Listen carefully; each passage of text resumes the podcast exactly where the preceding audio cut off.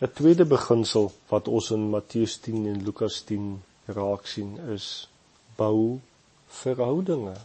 Bou verhoudinge.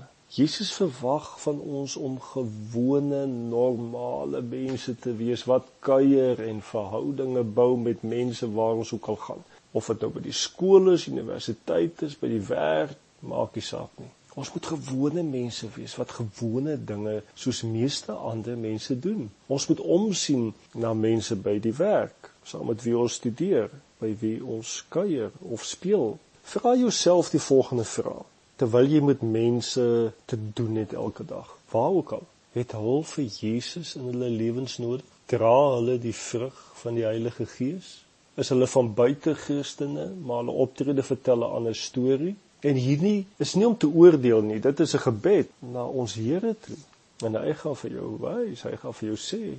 En dan probeer jy om 'n verhouding te bou met hulle, met hierdie persoon op jou hart, hierdie persoon naby jou die persoon wat Jesus vir jou wys. Die beste manier om 'n verhouding in sekere kulture te bou is deur 'n koppie koffie saam te drink of 'n maaltyd saam met iemand te geniet. Jesus het dit immers gemodelleer.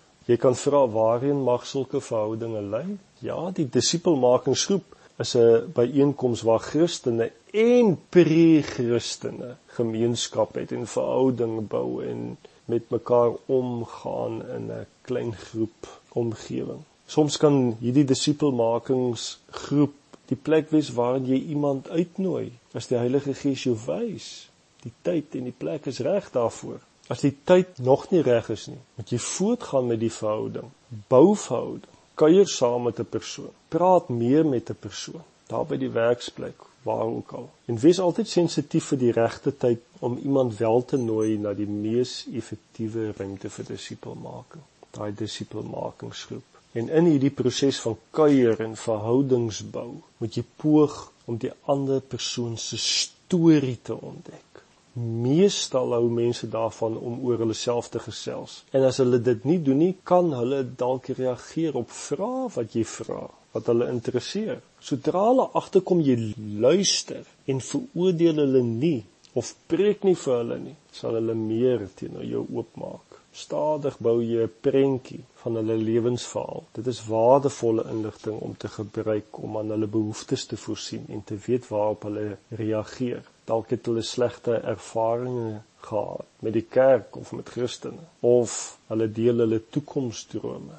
Dit is hakplekke waar jy met hulle verder kan reis. Dit is gesels onderwerpe wat 'n toegang bied in hulle lewens. Dalk deel julle dieselfde sport, liefde, deel julle dieselfde stokperdjies. Dit is alles maniere om met mense verhouding te bou. Die doel is om vriendskappe te bou en daardie mense se vertroue te wen, maar jy doen dit opreg, nie met 'n plan of 'n doel voor oë as sulks nie.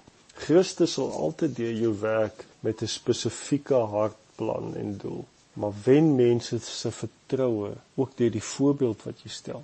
Onthou die kardinale rol wat elke Christen speel is deur Christus te verkondig, deur jou optrede tussen ander mense, tydens sosiale byeenkomste, by die werkplek. En hierdie fokus op disipelmaking, deur verhouding kan slegs groei deur doelgerigte vriendskapsbande te bou met mense wat nie die Here ken nie, mense wat verwerp is, gemarginaliseer is, verlore is of nie naby aan die Here lewe nie.